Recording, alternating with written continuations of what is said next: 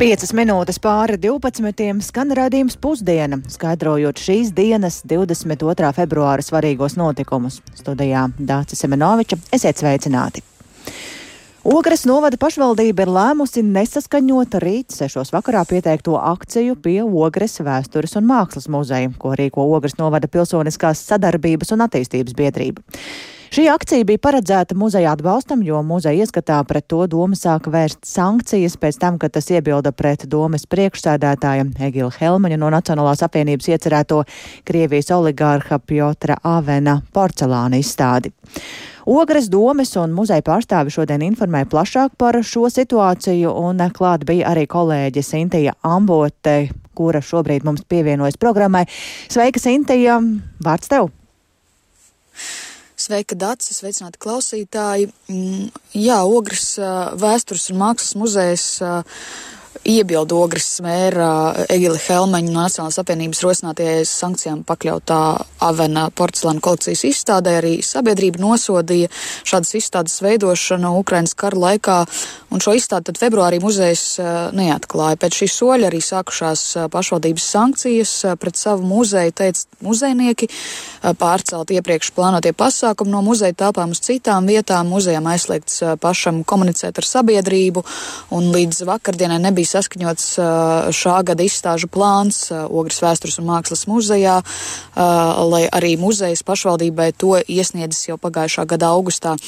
Eh, Helmanis eh, par Avana kolekcijas izstādi šodien komentēja, ka muzejam to piedāvājis un muzejs piekritis bez kādiem iebildumiem. Viņš arī agrāk esot piedāvājis rīkot citas izstādes.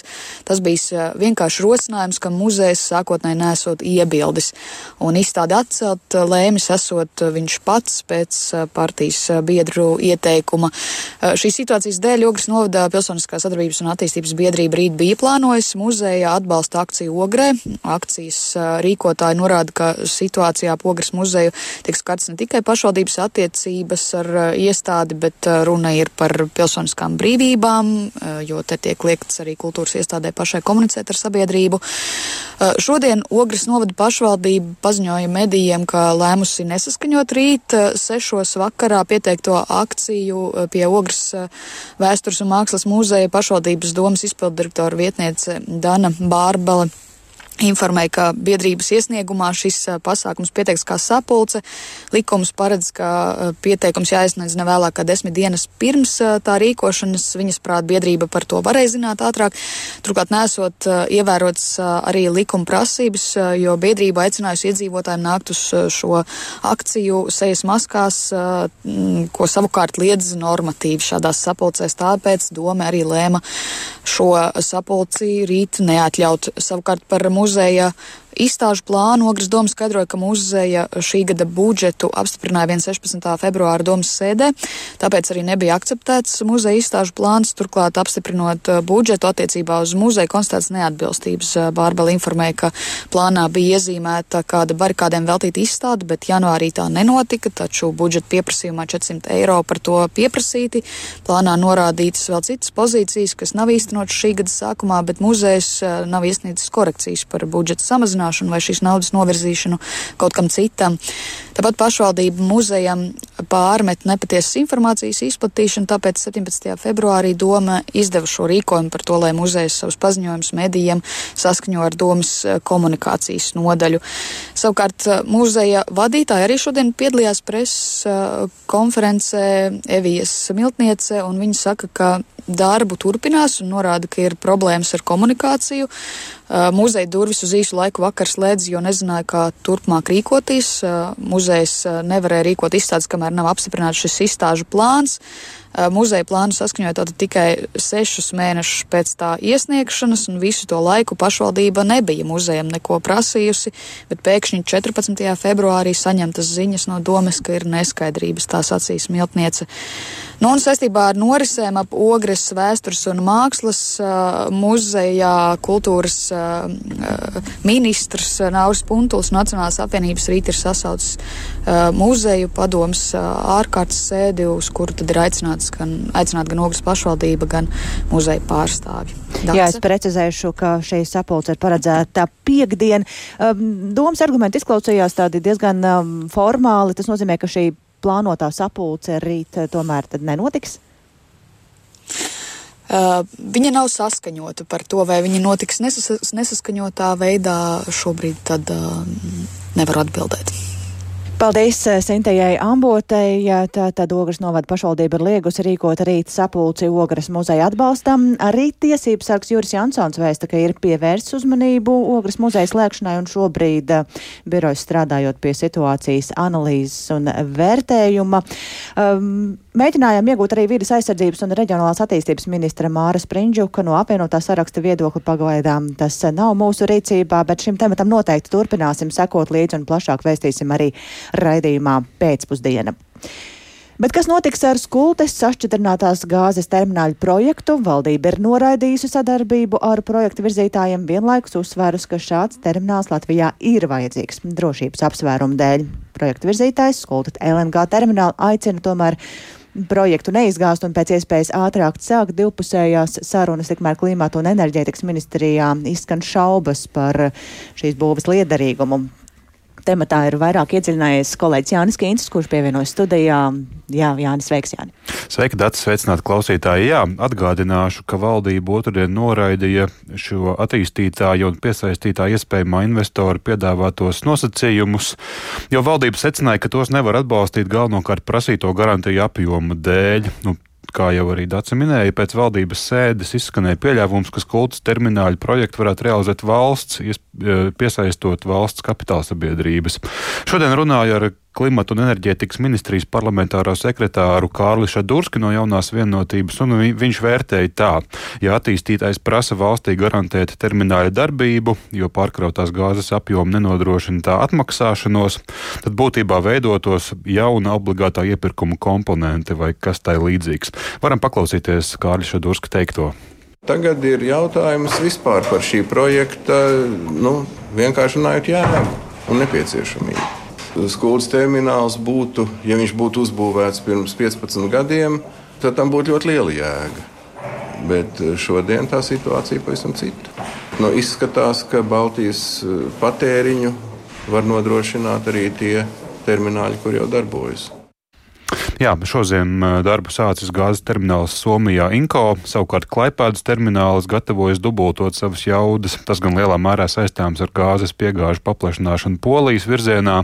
Savukārt Skulta LNG termināla ģenerāldirektors Renārs Miķelsons uzsver, ka, ka Baltijas reģiona gāzes apgādi šie termināli var nodrošinot strādājot ar 100% jaudu, kas drošības apsvērumu dēļ netiek praktizēts. Savukārt par pieļāvumu, ka Skultas termināla izveidi varētu realizēt pati valsts ar kapitāla sabiedrību iesaisti. Miķelsona ieskatā prasītu vēl vismaz 5 vai 6 gadus uz jautājumu par valsts līdzdalību termināla darbības nodrošināšanā, uz ko norādīja arī parlamentārais sekretārs Miķelsons atbildēja, ka uz šādām aplēsēm jau pagājušajā gadā norādījuši arī projekta auditori valdības uzdevumā. Paklausīsimies arī Miķelsona kunga teikto. Sākumā skaidrs, ka būs tāda situācija pirmajos gados, kad minimālie nepieciešami ieņēmumi netiks sasniegti. Un tad mēs prasījām tādu lietu, vai valsts var palīdzēt sekt starpību starp minimālajiem nepieciešamiem ieņēmumiem un izmaksām pirmos gadus.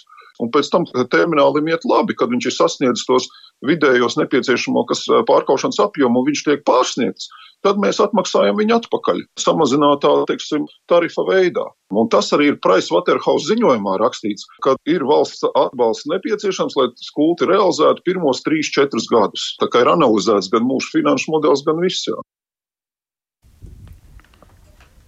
Skultas termināļa projekta attīstītāji aicina neizgāzt šo projektu un atsaucas arī uz piesaistītā iespējamā investora ilgadēju pieredzi teju 20 līdzīgu termināļu realizēšanā. Vienlaikus Renārs, Renārs Miķelsons arī aicina organizēt tiešas sarunas starp ministriju un attīstītāju, jo tādas līdz šim nemaz nav notikušas. Vienlaikus arī piekrastes vides aizsardzības biedrība aicina atcelt uh, likumu par skultas sašķidrinātās dabas gāzes termināli, jo likums paredz, likums, kas paredz nacionālo interešu objekta statusu iecerētiem terminālim un, un, un konkrētus jau būvis pabeigt līdz nākamā gada 15. septembrim. Iepriekš arī šī biedrība ir organizējusi dažādas protesta akcijas saistībā ar šo terminālu ieceri. Nu, jā, ņemot vērā izskanējušos viedokļus un aicinājumus, skaidrs, ka šim stāstam arī vēl būs gana plašs turpinājums. Turpinājums noteikti būs. Paldies, Jāni, un turpinājums arī šodien tavā izpildījumā raidījumā pēcpusdiena. Un eh, mēs arī par nacionālo drošību turpinām, proti drošība Eiropā un turpmāka palīdzība Ukrainai šodien būs galvenais temats Varšavā. Tur šodien tiekas mūsu valsts prezidents Egils Levits ar ASV prezidentu Džo Baidenu. Pēcpusdienā paredzētajā sanāksmē piedalīsies arī vēl astoņu Baltijas, Austrumu un Centrāla Eiropas valstu līderi, kā arī NATO ģenerālsekretārs Jens Stoltenbergs. Varšavā atrodas arī mūsu korespondents Arčoms Konohovs, un um, šobrīd viņš pievienojas man tiešraidē. Labdien, Arčom, un um, saki, cik nozīmīgi ir šī tikšanās? Labdien! Ir skaidrs, ka ar ASV prezidentu tikties grib ļoti daudz, ja neteiktu, ka visi pasaules līderi, bet nebūtu ne visiem tas izdodas. Tādēļ ir zīmīgi, ka Džo Baidens tomēr tiekas ar deviņu reģionu valstu līderiem, nevis aprobežojas tikties tikai ar sarunu ar Polijas prezidentu, kas no diplomātiskā protokola viedokļa būtu bijis pilnīgi pieņemami. Tas parāda, ka Baidens vēlas pievērst īpašu uzmanību tieši mūsu reģionu drošībai, jo daudzām no šī devītnieka valstīm Krievija vai Ukraina atrodas kaimiņos, un tādēļ mūsu satraukums par savu drošību un arī bāžas par notiekošo Ukrainā ir pavisam citas nekā, piemēram, Beļģijā vai Portugālē, kas atrodas geogrāfiski tālāk. Tāpat ir arī skaidrs, ka Latvijas un ASV prezidentu tikšanās nenotiek pārāk bieži. Pērn viņi dažādos formātos ir tikušies vasarā notikušajā NATO samitā Madridē un arī rudenī ANO ģenerālajā asamblējā Ņujorkā. Tādēļ šis ir nozīmīgs notikums pats par sevi. Jā, runājot par tādiem konkrētiem paziņojumiem par NATO austrumflangu turpmāko stiprināšanu, vai tāda varētu būt? Sanāksmes dalībniekiem būs rakstisks paziņojums, nekādas kopīgas preses konferences šoreiz nav paredzētas, acīm redzot tādēļ, lai saglabātu uzsvaru uz vakar vakarā pateikto ASV prezidenta uzrunu, par kuru mēs jau arī plašāk esam runājuši Latvijas rādio. Kaut arī saruna visticamāk būs par praktiskiem NATO austrumu flanga aizsardzības aspektiem, es domāju, ka publiski visticamāk par to netiks izziņots plaši. Detalizēts darbs pie Baltijas valstu aizsardzības plāniem pašlaik notiek NATO ietvaros, un te progress varētu būt gaidāms nākamajā samitā, kas vasarai paredzēts Viļņā. Tā būs arī nākamā reize, kad Baidens kopā ar vispārējo NATO valstu vadītājiem būs mūsu reģionā. Tā kā tiešām redzēt, ka viņš tagad biežāk viesojās Baltijā un arī Centrāla Eiropā. Tādēļ šīs tikšanās galvenais mērķis ir sūtīt politisku vēsti, ka ASV turpinās rūpēties par mūsu reģionu drošību un Ukrainas kara pirmās gada dienas priekšvakarā tas pats par sevi ir daudz, tas nav maz svarīgi. Paldies tev, Arķoma, no ziņām par ziņām no Varšavas, un mēs turpinām programmu. Шановні громадяни України, сьогодні вранці президент Путін оголосив проведення спеціальної військової операції на Донбасі.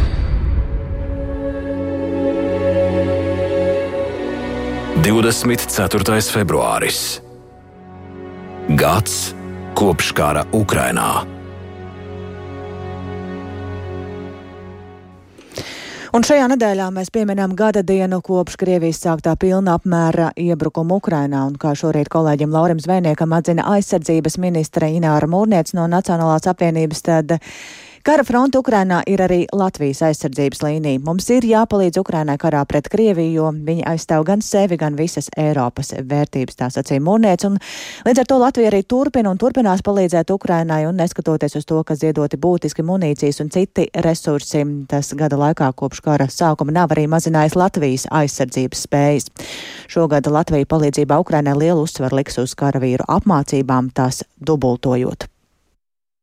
Mēs uz Ukrajinu sūtām tos ieročus, kurus mēs aizvietojam ar citiem, ar modernākiem ieročiem. Piemēram, jā, Ukraina saņēma stingrus, bet stingri tiek aizvietoti ar citām RBS sistēmām. Mēs sūtām MI-17 helikopterus, bet tā vietā mēs saņemam amerikāņu Black Hawk. Mēs saņemam modernākus ieročus. Jā, arī munīcijai beidzas derīguma termiņš.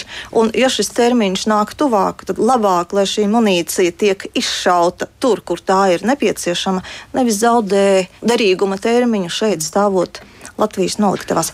Militārā ekipējuma un ieroču sūtīšana uz Ukrajinu notiek ciešā sadarbībā ar mūsu bruņotajiem spēkiem. To, ko mēs varam aizsūtīt, un tur, kur mēs saņemam vietā kaut ko jaunu, to mēs sūtām. Otra pozīcija - tās ir Latvijā ražotas preces. Tas, ko mēs paši varēsim saražot un nepieciešamības gadījumā arī lielākos apmēros šeit Latvijā. Piemēram, droni, kas ir Ukrainā ļoti, ļoti nepieciešami. Trešā lieta, un tā ir ļoti svarīga pozīcija, mēs apmācām Ukraiņas karavīrus. Varbūt vislabākie, vismodernākie ieroči, bet ar tiem ir jāprot apieties. Un, ja to neprot, šie ieroči vienkārši tiek sabojāti. Ko un cik daudz tagad, tuvākajā laikā, vēl ir iecerēts piešķirt Ukraiņai? Ir jaunas idejas. Mēs esam šobrīd sadarbībā un tās apspriežam ar Ukrāņu pusi. Es teikšu, ka tās būs lietas, kas būs ražotas Latvijā, bet Ukrāņiem vēl ir jāpasaka konkrēti. Vai tas viņiem dara? Pagaidām par to detalizētāk nerunāšu, jo nu, zināmā mērā tam ir ierobežots pieejamības status. Bet jā, notiek šīs sarunas ar Ukrāņu pusi. Darbs turpinās. Neatslāpstoši un ļoti intensīvi. Tā ministra Ināra Mūrnēca no Nacionālās apvienības un jāteic, ka viņa šorīt Latvijas radio arī sacīja, ka ir uzdevusi veikt apjomīgu revīziju par pārtikas iepirkumu nacionālajiem bruņotajiem spēkiem, jo konkursu komisijā darbojies tā laika aizsardzības ministra Arta Pabrika no attīstībai par biroja darbinieks. Pats Pabriks uzskata, ka tie ir mēģinājumi nomelnot viņa politisko reputāciju, tikmēr biedrība, sabiedrība par atklātību dēlna norāda, ka ministrijai ir jādomā, kā šos iepirkumus padarīt pārskatāmākus. Un Tematā vairāk ir iedziļinājusies kolēģi Līna Spundiņa, kur pievienojas studijā. Tad, tad vispirms par to, kādēļ tiek apšaubīts šis konkrētais iepirkums. Jā, jāpastāsta, ka kāda samērā maza firma Zītari ZL iegūsi tiesības nodrošināt loģistikas pakalpojumus pārtikas piegādēm Nacionālajiem bruņotajiem spēkiem nākamajos piecos gados. Ie, iepirkums vērts 220 miljonus eiro. Aizsardzības ministra Ināra Mūrniec, kā jau minēju šorīt, sacīja, ka šeit ir viena ļoti netipiska situācija valsts pārvaldai un ministrija rīkotiem iepirkumiem. Iepriekšējā ministra Ārte Pabrika politiskā biroja darbinieka deleģēšana iepirkumu komisijām. Mūrniec satrauc, vai iepirkums nav politiski veidots. Šeit jāpiebilst, ka firmas, kas uzvarēja konkursā, viens no īpašniekiem Modris Supe pērn maijā Pabrika partijai Latvijas attīstībai ziedojas 2500 eiro un vēl gadu iepriekš 2000 eiro. Par šiem ziedojumiem un mūrnieces pārmetumiem vaicāju Artim Pabrikam. Viņš skaidroja, ka nevar aizliegt cilvēkiem ziedot kādai partijai, un Pabriks par šo ziedotāju nesot zinājis, kamēr pēc kāda laika kāds viņam par to nebija pateicis. Viņa prāt ziedojums ir samērā smieklīgs un neliels, ja tiešām tas tiek saistīts ar 250 miljonu eiro iepirkumu. Pabriks saka, ka viņam nav bijušas nekādas politiskas intereses par šo konkrēto iepirkumu. Viņa prāt, tie ir mēģinājumi nomēlnot viņu kā politiķu, un varam paklausīties Pabriks sacīto. Es šeit nosūtīju savu juristu. Ja nemaldos, tad patiesībā to lūdza vai nu pat šīs e, komisijas vadība, vai pati ministrija. Un kāpēc? Tāpēc, ka mēs zinām, ka valsts pārvaldē ir nu, diezgan vāji ar e, juridisko kompetenci, gan atalgojumu dēļ, gan pārējo lietu dēļ. Esmu tiešām, kā teikt, e, šokēts par šiem mūrnieces kundzes izteikumiem. Beig, beigās jau šis konkurss tika teikt, apstiprināts uz papīra jau pašas mūrnieces kundzes laikā. Varbūt tāpēc arī viņa tā satraukusies. Mūrniece gan sacīja, ka no sava priekšgājēja pabrika ir saņēmusi diezgan nepatīkamu mantojumu. Iepirkums tika uzsākts un arī pabeigts iepriekšējā aizsardzības ministra darbības laikā. Kas notiek tālāk, kāda rīcība sekos? Jā, attiecībā par šiem mūrnieces izteikumiem Pabriks sacīja, ka viņa iepirkumā pieaicinātais jurists jau gatavojot vēstuli, kurā lūgs, eh, lai mūrniece viņam atvainojas. Tikmēr ministre jau norādījusi, ka uzsākta pamatīga revīzija saistībā ar šo iepirkumu, lai izvērtētu gan summu, gan iepirkuma komisijas veidošanas principus, gan iepirkuma komisijas locekļu spēju tik galā ar šādiem iepirkumiem. Es par aizsardzības eh, nozares iepirkumiem jautāju arī biedrības sabiedrība par atklātību dēlna vadītājai Inesai Tauriņai. Viņa saka, ka nozares eh, iepirkumi ir jāpadara pārskatāmāki. Varam paklausīties lai arī tā aizsardzības eh, nozare mums ir ierobežots pieejamības, tā teikt, informāciju, vienalga tas neliedz ministrijai domāt par to, kā tad šos iepirkumus padarīt pārskatāmākus, pieaicinot, piemēram, pilsonisko sabiedrības pārstāvis, nevalstiskas organizācijas, kuri tad varētu piedalīties to iepirkumu uzraudzībā. Šis viens gadījums arī parāda, kā nozarei ir jāpievērš uzmanību. Jā, Tauriņa saka, ka vajadzētu publicēt informāciju par iepirkumu komisiju gala sastāvu un centralizēt apkopot un publicēt atvērto, atvērto datu formātām.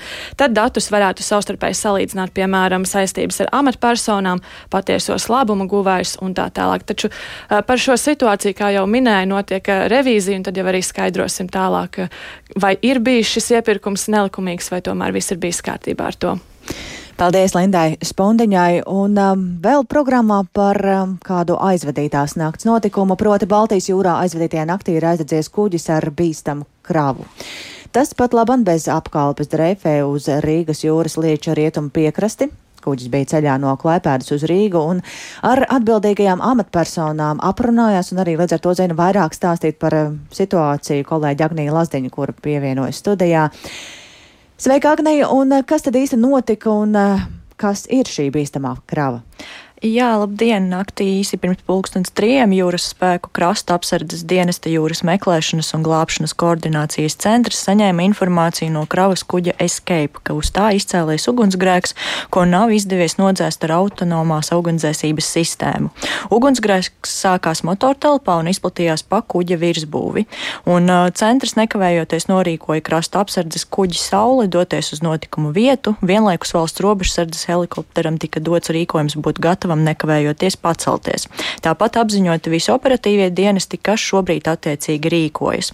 Bet par pašu kuģi. Tas ir standarta konteineru kravu kuģis un uh, būvēts 2011. gadā, un spriežot pēc pēdējām apmeklētajām ostām un reisiem, pieļauj, ka kuģis ir bijis arī tehniskā kārtībā. Uz klāja notikuma vietā bija 15 cilvēku apkalpe, kas jau naktī evakuēta uz citu kravu kuģa, kas devās uz Rīgu, lai nogādātu šos cilvēkus drošībā. Tā kā tas ir konteineru kuģis, tad kravas raksturs ir ļoti dažo, dažāds. Tur ir polimēri, poliesteris un krāsas šķīdinātāji, tāpēc īpaša bīstamība ir tieši ugunsbīstamība. Šobrīd vērtē, ka ugunsgrēks ir apdzisis un viss ir droši, bet līdz galam to vēl nevar apstiprināt, kamēr tur nav uzkāpis cilvēks un to visu pārbaudījis. Paklausīsimies, ko par kuģa šī brīža stāvokli saka jūras spēku krasta apsardzes dienas te pārstāvis Pēteris Subota. Cik mums ir nācies redzēt jau fotografijas, tad kuģis ir diezgan salīdzinoši lab, labā stāvoklī, kāds nu varbūt pēc ugunsgrēka. Krāva nav skarta, tas, ko mēs redzam, ir eh, deguma pēdas, iet kvēpu pēdas uz kuģa virsbūves. Tad mēs varam secināt, ka ugunsgrēks ir vai nu pa ventilācijas šaktām vai pa skursteņiem, kā tad eh, mēģinājis izkļūt, bet par laimi nav aicinājis pašu kuģa virsbūvi un apdis dabiskā veidā. Tas lielākais risks šobrīd ir tas, ka kuģis var uzsēsties uz sēkļa vēja iedarbībā, bet pēc visiem plāniem tas nenotiks, jo uz kuģa atrašanās vietu devušies velkoņi, kas tad apturēs kuģa došanos krasta virzienā. Tāpat, protams, pastāv kuģa atkārtota aizdegšanās risks. Kas īsti ir kuģa īpašnieks un kas izmeklēs pašu ugunsgrēku? Īpašnieks šobrīd nav vēl skaidrs zināms, bet kuģis kuģo zem Nīderlandes karoga, un šobrīd komunikācija notiek ar kuģa aģentu, jo ar īpašniekiem nenotiek tiešā saziņa. Bet uh, aģents atbalsta ar informāciju un citiem organizatoriskiem darbiem. Uh, ja mēs runājam par ugunsgrēka izcelsmes pārbaudi, tad uh, no Latvijas uh, to izmeklēs transporta nelēmas gadījumu un incidentu izmeklēšanas birojas. Bet nav izslēgts izslēgts arī tas, ka to darīs arī kuģa kompānija. Un, eh, ja mēs tā plašāk paskatāmies, cik vispār nopietns ir šis gadījums?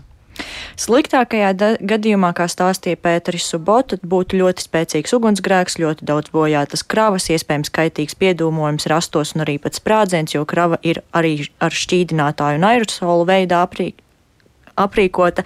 Bet uh, kopumā tas ir jā, ārkārtējs gadījums, bet izskatās, ka šajā situācijā viss būs labi. Uz to arī cerēsim. Paldies Agnijai Lazdeņai, kura bija studijā un stāstīja par to, ka Baltijas jūrā aizvadītajā naktī ir aizdedzies kuģis ar bīstamu kravu. Un ar to arī izskan raidījums pusdiena. Producente Ilze Aginta ierakstus montēja Renāša Steimanis par labskaņu rūpējās Una Gulbe un ar jums sarunājās Dācis Semenoviča. Vēl atgādināšu būtiskāko ogres novada pašvaldība liedz rīkot sapulcu ogres muzeja atbalstam. Drošība Eiropā un turpmākā palīdzība, palīdzība Ukrainai šodien būs galvenais temats Varšavā, kur tiekas arī mūsu valsts prezidents Egils Levits ar ASV prezidentu Džo Baidenu. Un mūsu raidījums atrodams arī kā ierasts raidierakstu platformās un sociālajos tīklos.